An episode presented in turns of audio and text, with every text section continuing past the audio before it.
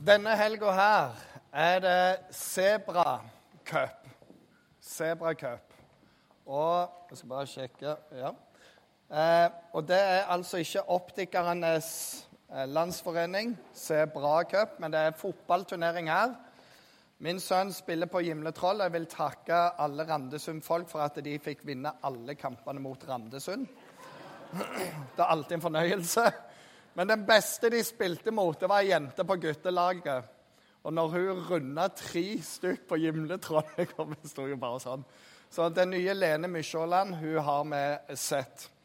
Og, eh, og hun er fra Randesund. Hun var helt utrolig. Den beste gutten av de alle. I dag spiller Norge mot Tyskland. Eh, hvis du tror Norge vinner, så er du i ei veldig marginal gruppe i Norge. For vi vet at vi er tilbake eh, som fotballnasjon der før Drillo. Der vi går for hedel, hederlige tap.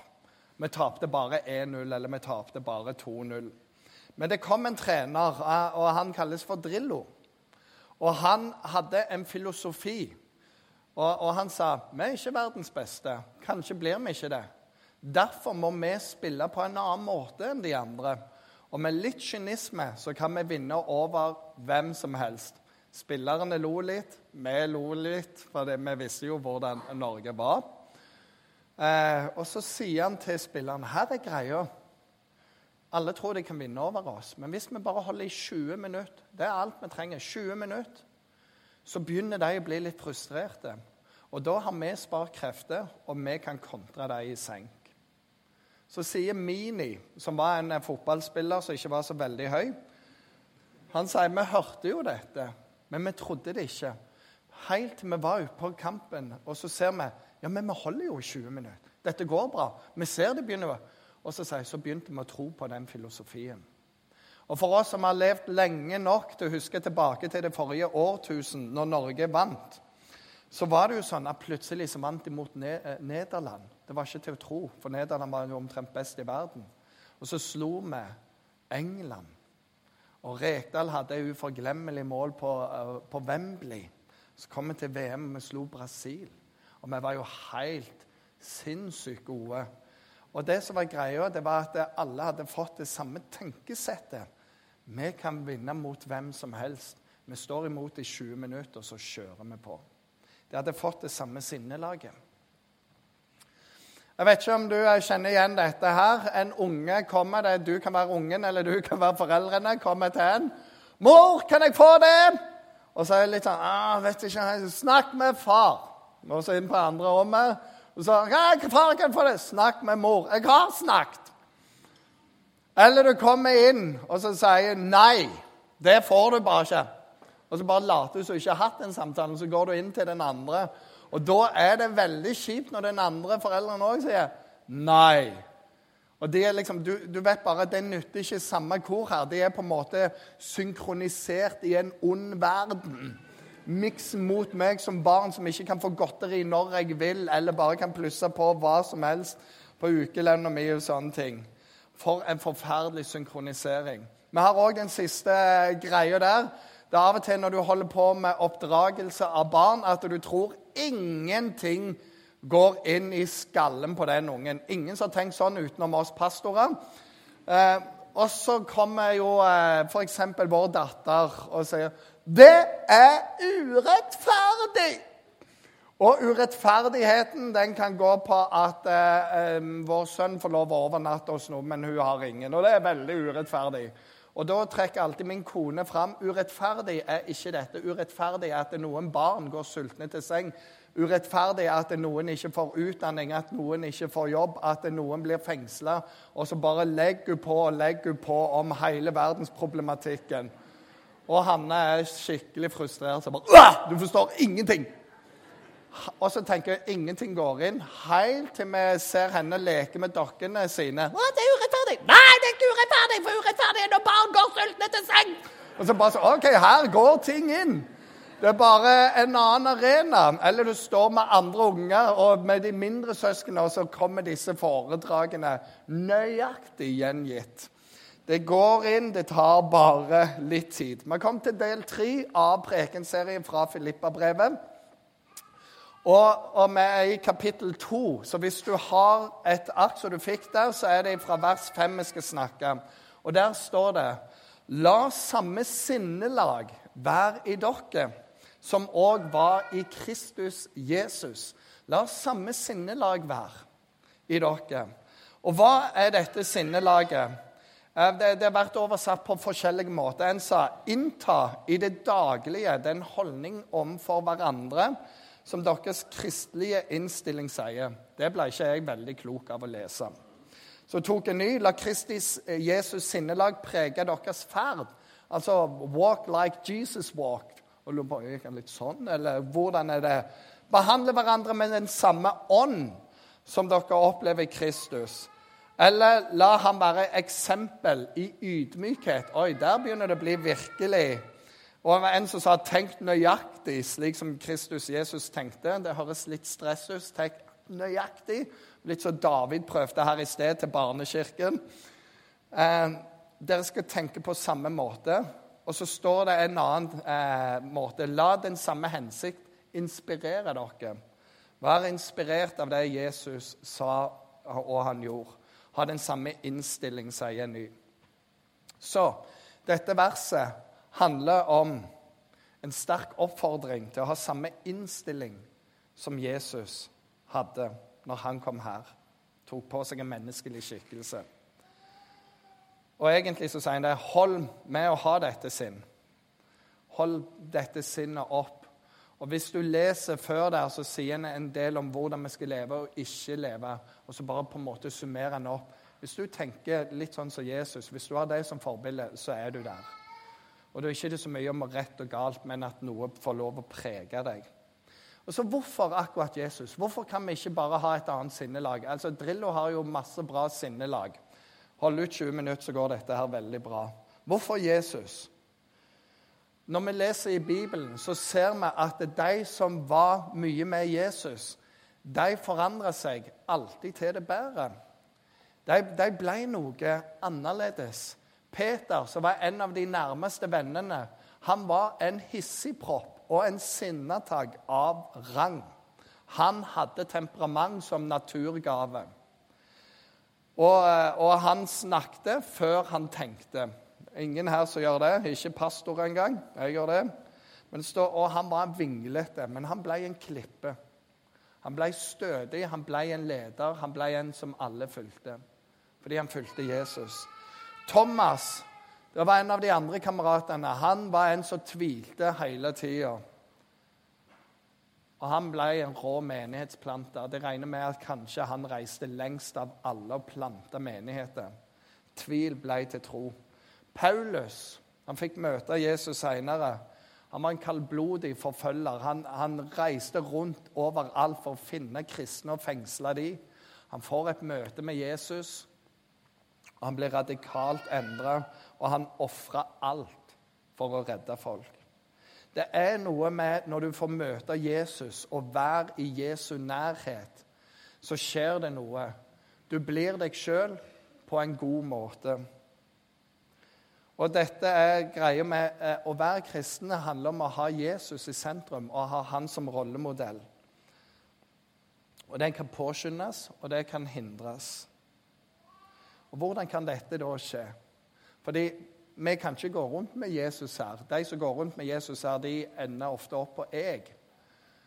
Så, men vi ser han indirekte gjennom Bibelen og gjennom andre som tror. Så kan vi se Jesus og oppleve han.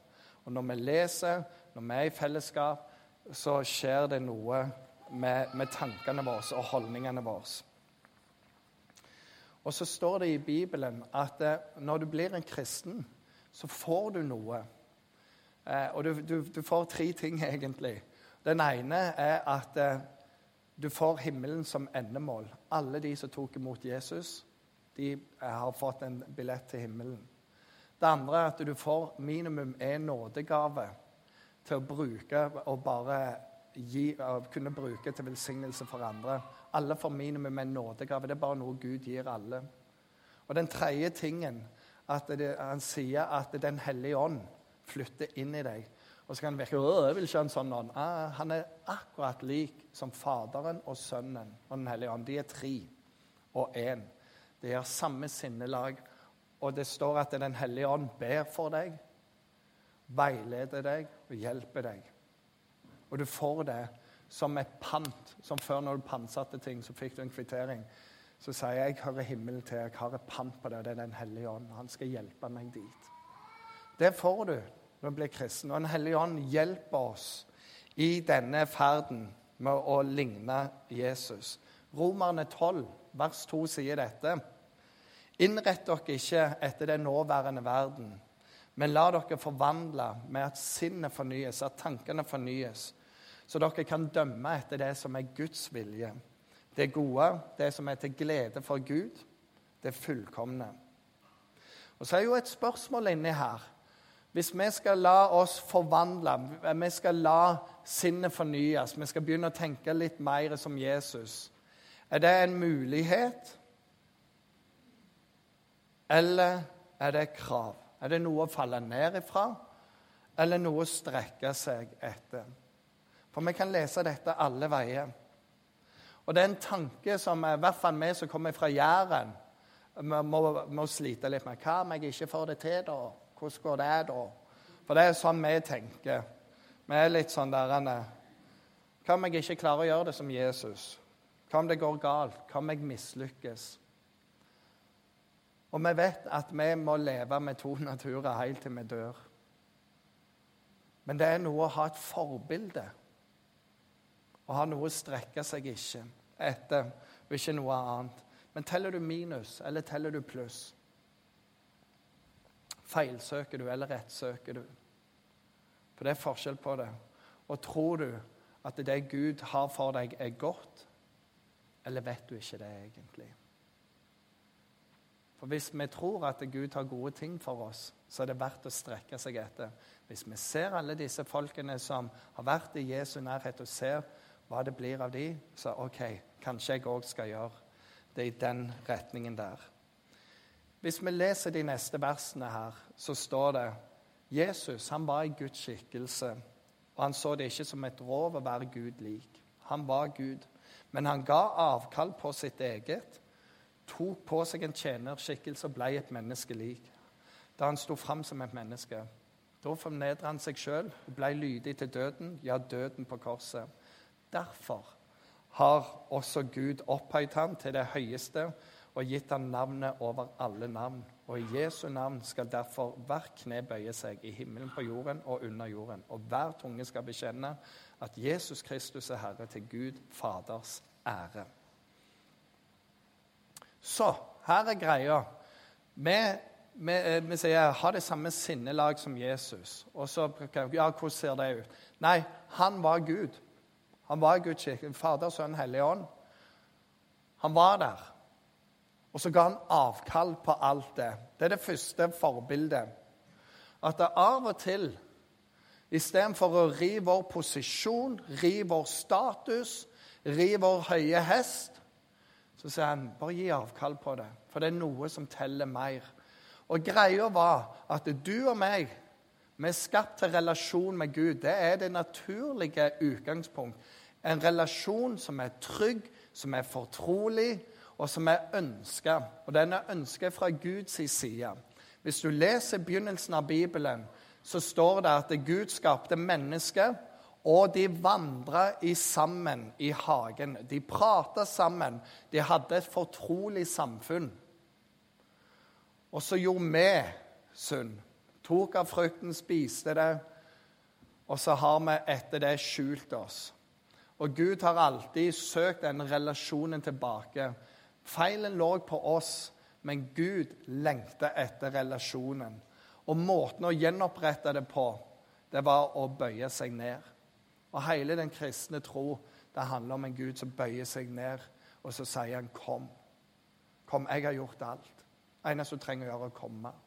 Og så er den fri viljen sånn at det bestemmer vi om vi vil eller ikke vil. Men Gud sier 'kom, jeg vil ha fellesskap med deg'. Han var i Guds skikkelse men han fornedra seg for å finne en vei til relasjonen. Og der står vi å gi avkall på sitt eget. Det står en eh, historie i Bibelen som ofte kalles for den bortkomne sønn. Og Det handler om en kar som sier, 'Far, egentlig så vil jeg bare ha pengene.' Han var rik. Og når han sier det, så sier han samtidig, 'For meg er du død nå.' 'Jeg vil ikke ha noe mer med deg å gjøre.' 'Jeg vil ikke ha noe mer med de andre. Bare gi meg pengene mine.' Og så forsvinner jeg ut av livet ditt, og dere ut av livet mitt. Og faren deler opp og gir han sin del, og han forsvinner ut. Og lever et liv som er hinsides i fest og full og party, og han har venner så lenge han har cash. Når pengene er slutt, så er det slutt på alle vennskap òg. Bare for å understreke hvor langt ned han kom så eh, Hvis du kan noe om eh, jødisk skikk, og sånn, så skulle de ikke spise griser eller sånne dyr. Men han er så fattig at han gjeter grisene og får bare spise av den maten grisene spiser. Du, du er så langt under bunnpunktet i livet ditt. Og han har brent alle broer. Han har vært en idiot.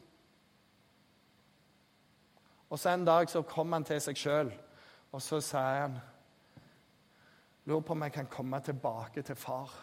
Ikke som en far, men min far, han er en god mann. Kanskje jeg kan få arbeid, så slipper jeg i hvert fall være her med grisene.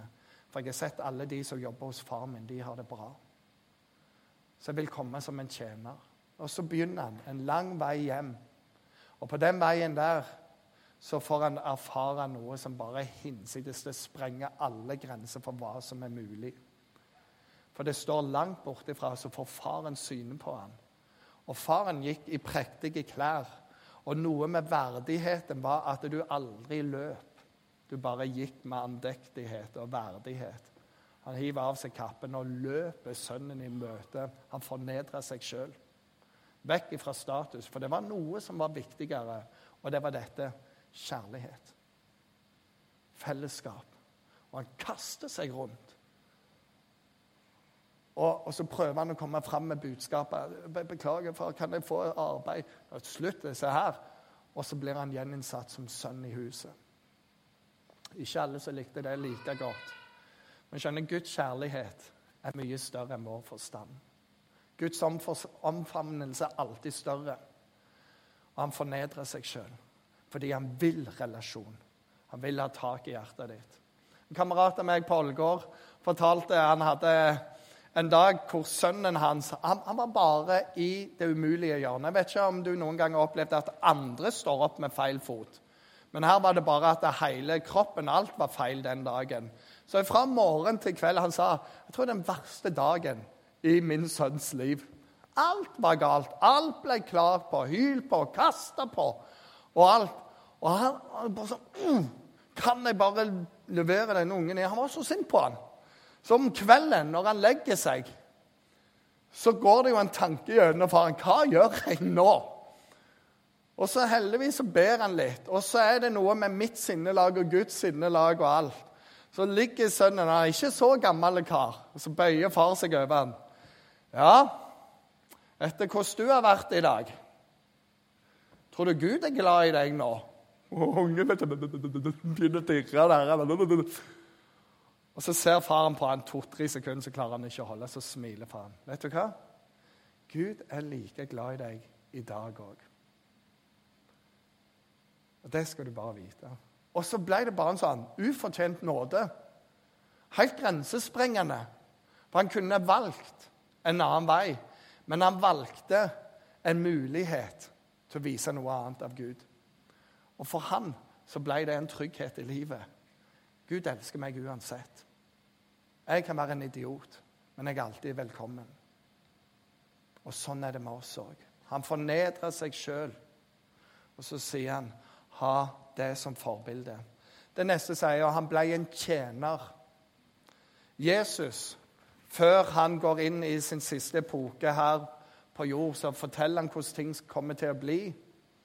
Og så holder de et måltid sammen. Under det måltidet så begynner han å vaske disiplenes føtter. Vi i Norge vi, vi forstår ikke alltid det der, men når du er nede i Syden, og det koker varme, du svetter på beina, det lukter vondt. Det lukter veldig vondt. Og han bare begynner å vaske beina. og de, Noen sier hva som skjer nå? Liksom? Det er jo ikke sånn det skal være. Det er jo en eller annen tjener som skal gjøre dette. her.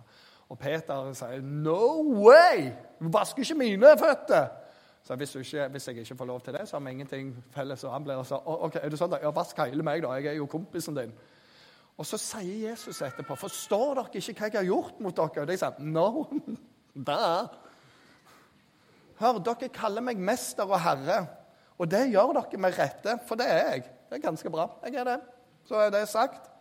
Og når jeg som Herren og Mesteren har vasket deres føtter, da skylder også dere å vaske hverandres føtter. Jeg gir deg et eksempel. Jeg har gitt dere et forbilde. Slik jeg har gjort mot dere, skal også dere gjøre. Sannelig, sannelig, jeg sier dere, tjeneren er ikke større enn Herren sin, og utsendingen er ikke større enn Han som har sendt ham. Nå vet dere det. Og salige er dere så sant dere også gjør det. Var det noen som nevnte at de trengte en 30-40 til GLS her? En god mulighet til å være en tjener. Og så kan du komme inn og så bare åh, jeg er trøtt og jeg har hatt eh, jobb og alt i sammen. Men det er så de sier her Eller det var vel bare hun som sa det, for Malvin kom aldri på noe å si. Eh, men, men, du kommer hjem, og så er det bare For et fellesskap, for et tjenerskap. Vi får stå sammen. Vet du hva, Det er fantastisk å være i tjeneste. Det første under Jesus gjorde, det står at han lagde vann om til vin. Det er absolutt Jesus etter den drinken der. Det første eneste gang den har blitt servert. Og folk forstår ikke hva det er, unntatt de som var tjenere på kjøkkenet. For de så hva som skjedde. De fulgte opp i all slags kar. Og så ber Jesus en bønn, og bom, så er det vin. Og greia er tjenere ser mye mer av Guds hånd enn hva andre gjør. De ser bare resultatet av Guds hånd. Men de andre ser forvandlingsprosessen. Det var en mann som jobbet i en kjeller. Hvis du har vært i Amerika og sett disse skyskraperne som bare eies av ett selskap, så begynner du ofte i kjelleren i vaskeriet. Og så var han en kristen, han var en from kar, han her, og så sa kjære Jesus, gi meg mer innflytelse. Bom! Så var han oppe i postavdelingen. Og Dette syntes han var veldig. Kunne han gå rundt på postkontorene eller opp i skyskrapene? og sa syntes jeg det var jo litt finere oppi han. Kjære, gi meg mer innflytelse. Boom! Så var han oppe i resepsjonen. Der fikk han hilse på direktører og andre, signere de ut og inn og gi stempel. og Ja, du, kom inn. Ut. Og så tenkte han etter sånn Gi meg mer. Så var han oppe eh, som teamleder. Og så ba han videre, og Gud bare sa ja hele tida på bønnene. Så boom! Så var avdelingsleder. Boom! Så var han eh, seniorrådgiver. Og boom! så var han president i hele selskapet. Begynte i kjelleren, endte på toppen. Og så tenkte han ah, det fins vel et nivå til. Så han sier, kjære Gud, gjør meg som Jesus. Og boom! så var han nede i kjelleren igjen. Vær forsiktig med hva du ber om. Det står den neste tingen. Han fornedrer seg sjøl. Og Hvis vi skal ha det samme sinnelaget, så er jeg bare sånn NB. Det snakkes ikke om selvpining her eller andre ytre visvas. Det var en periode i, i, kirken der de trodde at du kom nærmere Gud jo mer du pinte deg sjøl. Det har ingenting med den kristne tro å gjøre. Simen på Pålen han bodde på noen få kvadratmeter oppå en påle. Han, han var nærmere deg, min Gud. Det er idioti.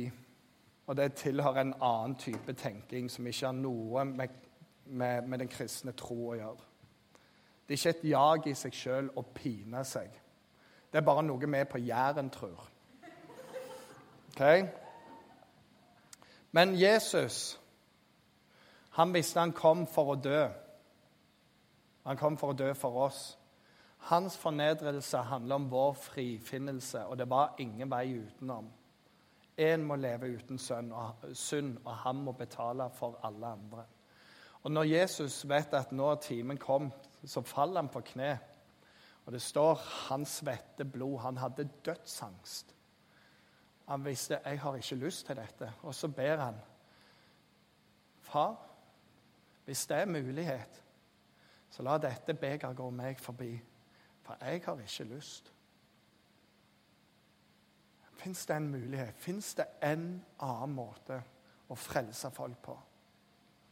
Og Svaret på nei, det fins ikke. Så sier han, men ikke sånn som jeg vil, men sånn som du vil. Det er en vanvittig bønn. Og av og til så får jeg et sånt et beger. Av og til kan du få et sånt et beger. Så sier han, 'Skulle jeg avstå fra dette?' Nei, til denne timen har jeg kommet. Av og til så betaler vi noen priser som er himmelhøye for andres frihet. Og fordi vi er kalt til det. Det er ikke noe som pålebygging, men det, men det ligger på et annet nivå. Og kanskje har du et sånt et beger. Av og til er det veldig praktisk og på enkeltnivå, og andre ganger så er det sånn. Og så er det bare det at når det dirrer og det gjelder livet ditt, så er det rimelig heftig beger uansett hva det er. Min bror kom i, i uh, snakk med en Min bror er veldig atletisk. Han har drevet toppidrett på mange ting. Og så var det i uh, en av disse klubbene kom en kar til han, så sier han Jeg og min samboer vi sliter big time. Og jeg har lyst til å bare flytte ut fra hun og, og de to ungene vi har. Hva sier du? For de visste Jim var kristen. Og Da hadde han spurt alle andre, så sier han alle andre sier 'flytt ut, tenk på deg sjøl', ikke noe mer fins bedre folk. Og Så sier Jim et svar som forundrer han. Han sier dette. Du, du, må velge, men det er ditt valg hva du gjør. Men jeg vil fortelle deg om det valget jeg har gjort. Og det er det at jeg har valgt å være en familiemann. Og samme hva vi møter, så velger jeg å være en familiemann. Og det betyr faktisk av og til å fornedre meg sjøl på den måten at jeg må sette trening til side, jeg må sette hobby til side, jeg må sette min vilje til side, jeg må sette alle mine kloke in, eh, svar for, eh, for Lena sin intuisjon til side. Ingen som har opplevd dette her før. Har bare 1000 argumenter, så bare føler hun noe, og så har hun rett.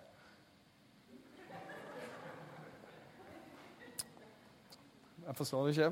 Men så sier han så mitt valg er dette. Jeg er en familiemann. Og du må velge for din del. Og det var hele samtalen. To måneder etterpå så kom han på ei trening. Han har glemt samtalen. Så kom han på, på skuldra. 'Jim, kan jeg snakke med deg?' Og så litt sånn gråkvalt. Og så sier han, 'Jeg er en familiemann.' Takk. Og så valgte han og så fikk de det veldig bra igjen. Og så visste de det opp og ned, men hver gang det er nede, så velger jeg å være en familiemann. Hver gang det er oppe, ja, det går av seg sjøl. Og det siste her som står i dette det ble, Han ble lydig til, til, døden. Og korset det var den verste måten å dø på. Det var for de verste forbryterne. Det var den verste torturmåten. Og det var forbeholdt slaver og tyver ultimate nedvergelse. Du bare henger der til spott og spe. Og Jesus var lydig helt inn der. Og så vet vi i Norge at det, heldigvis er det ikke den type lydighet alltid. Men lydighet mot Guds ord er et mål for oss. Vi lever i en kultur som er rimelig annerledes.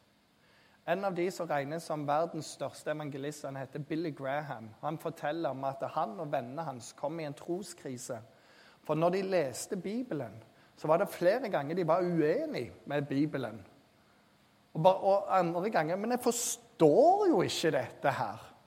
Lykke til den som forstår alt i Bibelen. Og han fikk en troskrise over kultur, over forståelse overalt. Og det gikk veldig inn på han. Men så sier han jeg kom til et punkt der jeg valgte noe. Og kameratene de valgte litt forskjellig. Så, sier, så ber han denne bønnen. Gud, det er ikke alltid jeg forstår ditt ord. Det er ikke alltid Billy er enig med deg. Men jeg velger at Guds ord er den største autoriteten i mitt liv. Og jeg underkaster meg det i lydighet. Og fra den dagen av så bare tok tjenesten en ny retning. Så vil vi innrette Bibelen etter livet vårt, eller vil vi innrette livene våre etter Bibelen? Så står det i teksten når alt dette skjer Han ga avkall på sitt eget, ble menneskeliv lik, han ble en tjener, han fornedra seg sjøl, han ble lydig ja til døden. Når han gjorde alt det, står det derfor, når han hadde gjort alt det, derfor ble han opphøyd til navnet over alle navn. Smerte, lidelse. No pain, no gain. Jeg vet ikke om vi har hørt det uttrykket. Så målet vårt er å ligne på Jesus og avspeile han. Så vet vi at det, det er ikke alltid det går så lett, det der. He? Paulus skriver dette. Jeg mener ikke at jeg alt har nådd dette, at jeg alt er fullkommen. Men jeg jager fram mot det for å gripe det, for at jeg sjøl er grepet av Kristus. Min, søsken sier jeg, jeg tror ikke jeg har grepet alt. Tror ikke det. Men én ting gjør jeg. Jeg glemmer det som ligger bak. Og så strekker jeg meg mot det som ligger foran, og jager fram mot målet, mot en seierspris som Gud i det høye har oss til i Kristus Jesus. Så sier jeg, vi er underveis, alle mann, men fest blikket framover. Det var et sånn armbånd som ble lagd for en del år siden, som hadde følgende P, B, P, W, M, G, I, N, F, W, M, Y. Nydelig. Hva er det? Og Der står det egentlig Please be patient with me because God isn't finished with me yet. Vær litt tålmodig med meg, da, he? for Gud er ikke helt ferdig med meg. Det tar tid, og av og til gjør det vondt, men resultatet er annerledes. Og Det fins ingen annen rollemodell i verden som er så god som Jesus. Og han er mer enn det òg. Han er den eneste som kan frelse oss.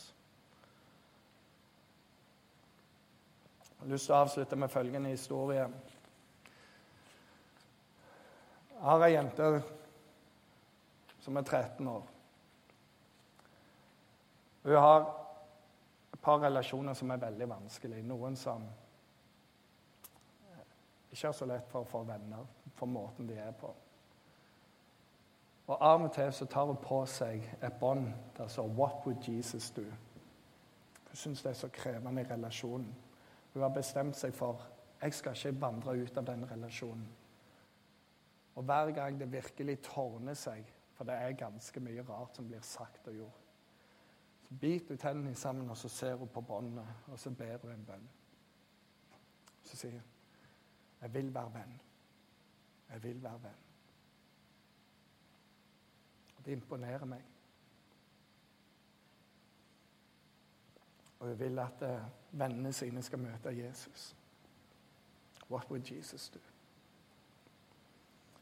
Etterpå er jeg ferdig med bena, så blir det nattvær. Hovedpastor Jarle Romedal overtar da.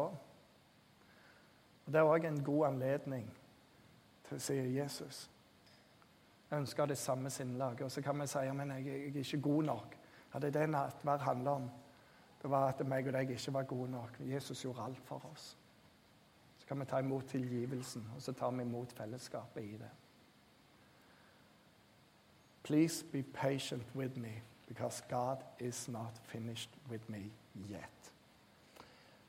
Herre, jeg takker deg for det, at det, det fins en oppmuntring i det å ha samme sinnelag som Jesus. Det at det står i Bibelen, det betyr at det er faktisk mulig. Og så er det underveis, og så er det stykkevis og delt. Men det er innen rekkevidde likevel. Så vet vi at det sinnelaget det formes med de vi er med. Og gjennom å, å lese ditt ord og gjennom å være fellesskap med andre troende, så får vi mer og mer av dette. Når vi ber til deg, Herre, og lytter til deg, så får du forme følelser og tanker. Jeg ber for mitt liv, jeg ber for våre liv. At folk skulle få finne det hos oss. I Jesu navn. Amen.